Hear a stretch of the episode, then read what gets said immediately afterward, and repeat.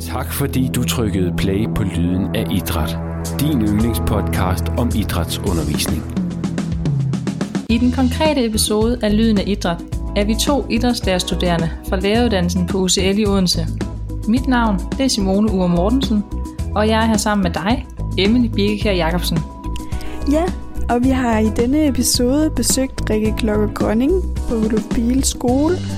Hun giver et indblik i hendes erfaringer med at inddrage teori i idrætsundervisningen med et særligt fokus på indskolingen. Rikke hun er til dagligt idrætslærer og underviser i idræt i både indskoling, mellemtrin og udskoling, hvor hun har 1., 3., 4., 8. og 9. klasse. Hun har over 20 års erfaring med undervisning i folkeskolen, og Rikke har arbejdet med synlig læring i idrætsfaget gennem de sidste par år sammen med sine kollegaer. Det har blandt andet ført til, at idrætshallen er blevet udsmykket med 12 teoretiske idrætsmodeller, som Rikke gerne vil fortælle mere om. Men først vil vi lige afsløre et par vigtige pointer fra interviewet. Teori er vigtigt at inddrage allerede fra indskolingen, og det er elevernes undring, der danner udgangspunkt for teorien i undervisningen. Idrætshallen er derfor vigtig som faglokale og for den synlige læring i idrætsundervisningen. Og teoretiske modeller i faglokalet er med til at skabe nysgerrighed og undring blandt eleverne i idrætsundervisningen. Alt det og meget mere får du uddybet i denne episode. Rigtig god fornøjelse.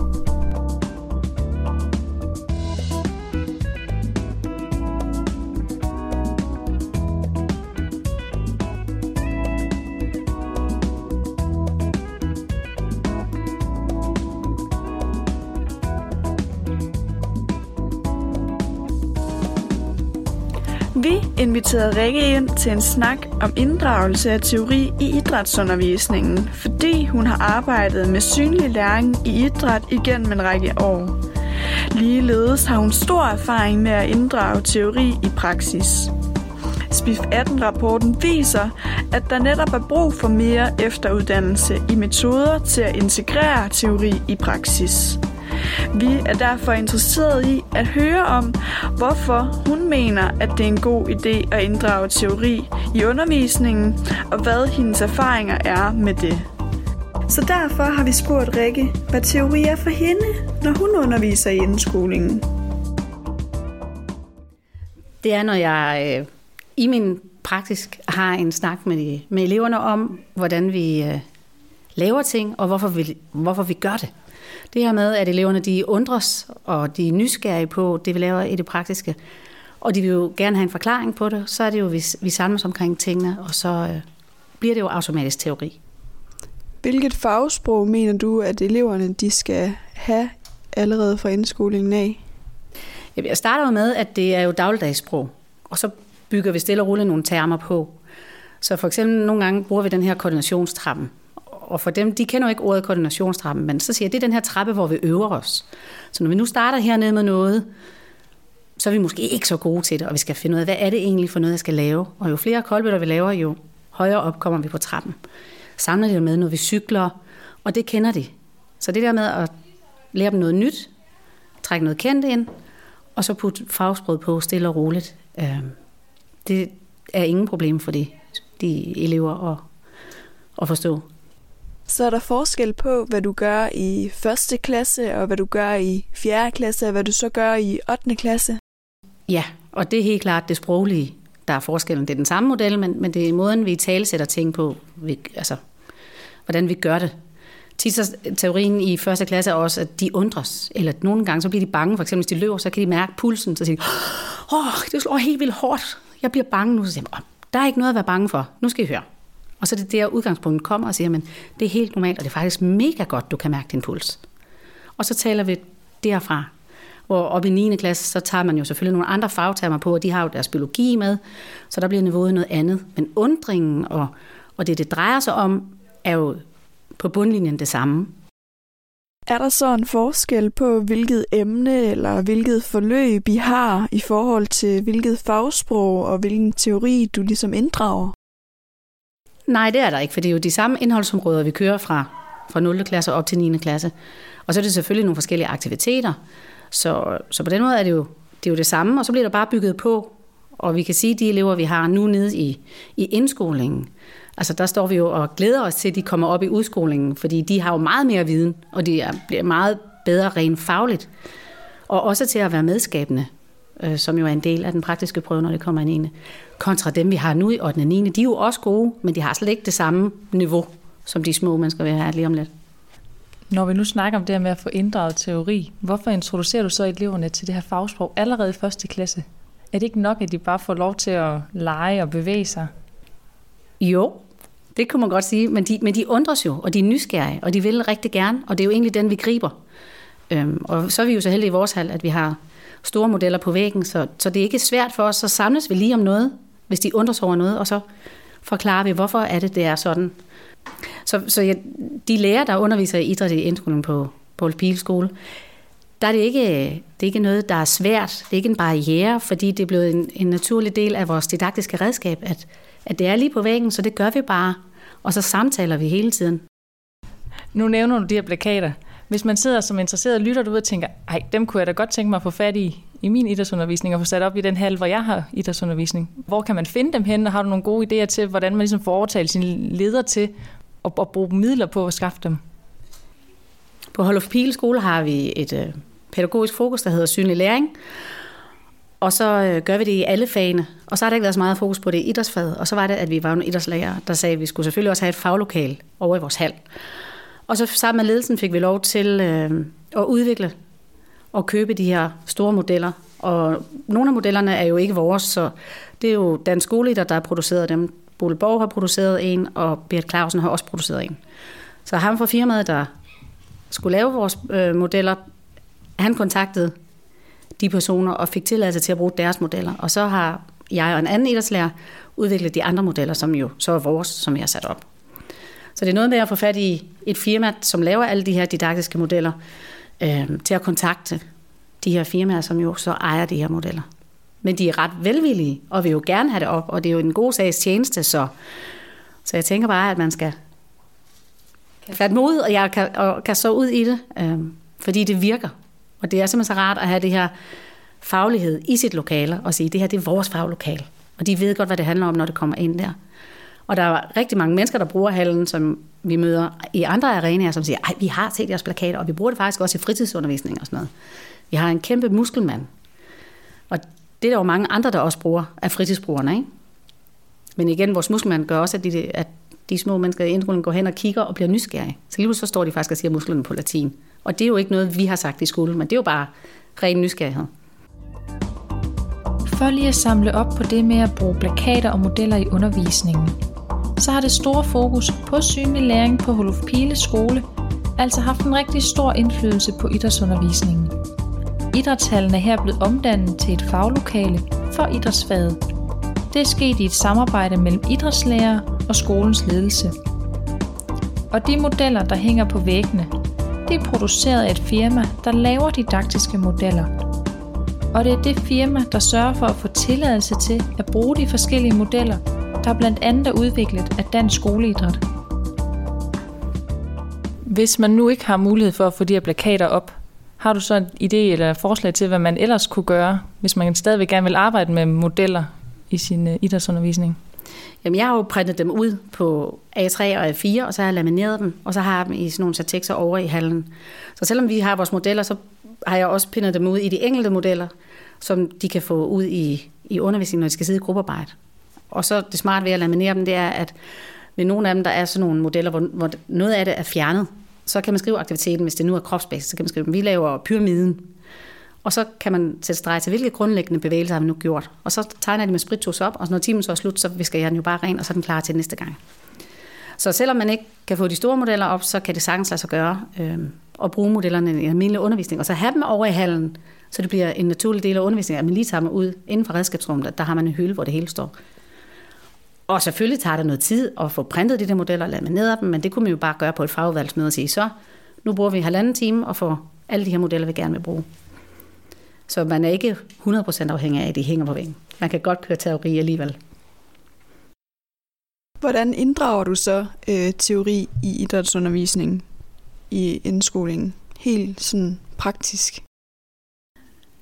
hvis jeg for eksempel har, vi har gang i et boldspil i indskolingen, så har vi jo det store boldspilshjul hængende over på væggen. Og så er det jo, at vi snakker om, nu bliver spillet for eksempel kedeligt. Hvad kan vi så gøre?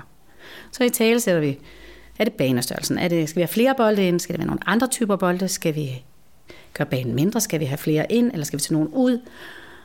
Og mens vi har den snak om, hvad kan vi gøre ved vores spil, så står vi jo hen med modellen, og så, så peger jeg bare. Det er jo ikke noget med, at jeg sådan siger, så det er det felt. Men, men det bliver synligt for dem, der måske synes, det bliver for meget snak, at hov, det er det felt, vi skal arbejde med. Så, så det er jo noget, der, når det føles naturligt, så tager vi det. Jeg sidder ikke hjemme altid og siger, nu er det 11.45, vi skal have noget teori ind. Så det er meget mere også at mærke, hvor er de henne, og så det flow, der er. Og selvfølgelig er der noget overordnet, man tænker, den viden skal de have. Men man kan ikke altid beslutte, at det kommer der. Men, men det er, når det, når det opstår. Fordi det er på baggrund af deres refleksion. Øhm, jeg har også altid den her, når vi er færdige med timen, så, så sætter de sig i en firkant, og så har vi altid den her reflektive samtale. Hvad har vi lavet i dag? Hvad har vi lært i dag? Altså så vi igen laver sådan et loop, så de bliver opmærksom på, åh, oh, jeg lærte faktisk noget om, at man kan ændre et spil ved at putte flere bolde ind, eller ændre på banestørrelsen. Og det er jo også teori, men det bliver bare sådan et, en naturlig flow i undervisning, og børnene ved godt, det sker. De ved godt, at når alt er ryddet op, så skal vi sætte os ind i midten, og så skal vi lige snakke om, hvad vi har gjort i dag. Så, så det, er, det er jo didaktik, og det er vaner og strukturer, som egentlig gør, at eleverne synes, det bliver sjovt, og de ser det ikke som den her tunge teori. Og det gør jeg heller ikke som lærer, fordi det er jo det er bare noget, vi gør. Øhm, men selvfølgelig er al begyndelse svær, og man skal, man skal våge sig ud i det, og det er ikke farligt. Og man kan sige, især ved, ved indskolingen, der står de jo ikke og, og ved en masse mere end læreren. De undres bare og er nysgerrige og vil gerne have mere viden. Og der kan man sige, der er det super vigtigt, at vi som idrætslærer allerede får det implementeret nedefra. Og så kan man sige, så kan det faglige niveau stige jo, jo ældre det bliver på helt naturlig vis. Men de gode vaner, det bliver skabt i indskolingen. Nu snakker du om, hvordan du ligesom inddrager teori i din undervisning. Hvis du nu skal sætte procent på, hvor lang tid du bruger på teori i forhold til praksis i indskolingen, hvordan forholder det sig så sådan cirka? Lidt under en tredjedel. Fordi hvis jeg både tager med, at vi starter timen med at snakke om, hvad er det, vi skal i dag, hvad er det, vi skal lære i dag, hvad er det, vi skal have fokus på, og så i timen, og så en reflektiv samtale bagefter, så tænker jeg, at det er tæt på en tredjedel. Men, men det er ikke, at nu sidder vi, og så har vi et kvarter. Altså, det er sådan noget ad hoc. Så på den måde kan man ikke sætte ikke urt, at nu skal vi have teori. Bliver det så mere, når de bliver ældre? Eller forholder det sig cirka som det samme? Jamen, det er cirka det samme. Fordi det er de samme ting, de undrer sig over, og de samme ting, hvor jeg laver en time-out og siger, hov, hvad er det, vi gør nu, og hvorfor gør vi, som vi gør? Og vi kører aldrig, altså, kører aldrig en hel teorigang. Altså, så det er den her sammenflætning af teori og praktisk, der virker. Altså, vi har tidligere jo gjort, at man prøvede at køre teori, og der gik både elever og, og lærer kold. Så, så variationen er vigtig. Variationen mellem teori og praksis er altså vigtig, man kan ikke altid planlægge, hvornår der arbejdes med teori i undervisningen. Det sker, når børnene undres, for så bruges modellerne i et helt naturligt flow til at i tale sætte aktiviteten gennem synlig læring. Det, der kan planlægges, er den refleksive samtale i slutningen af timen, som er med til at gøre eleverne opmærksom på, hvad de har lært. Idrætsfaget er i konstant udvikling, og især vejen fra aktivitetsfag til vidensfag er i fokus efter idræt er blevet eksamensfag. Koblingen imellem teori og praksis er altså helt central, når der arbejdes med teoriintegration, og de gode vaner og strukturer bliver allerede skabt i indskolingen. Når teorien tages med i idrætshallen, kan eleverne mærke teorien på egen krop hvilket får eleverne til at reflektere, og der sker læring. Så vi har spurgt Rikke, om hun vil uddybe, hvorfor hun ikke går over i klassen, når hun har teori med sine elever. Det gør jeg at, at den grund, at øh, når de er i hallen, så kan de prøve teorien af med det samme.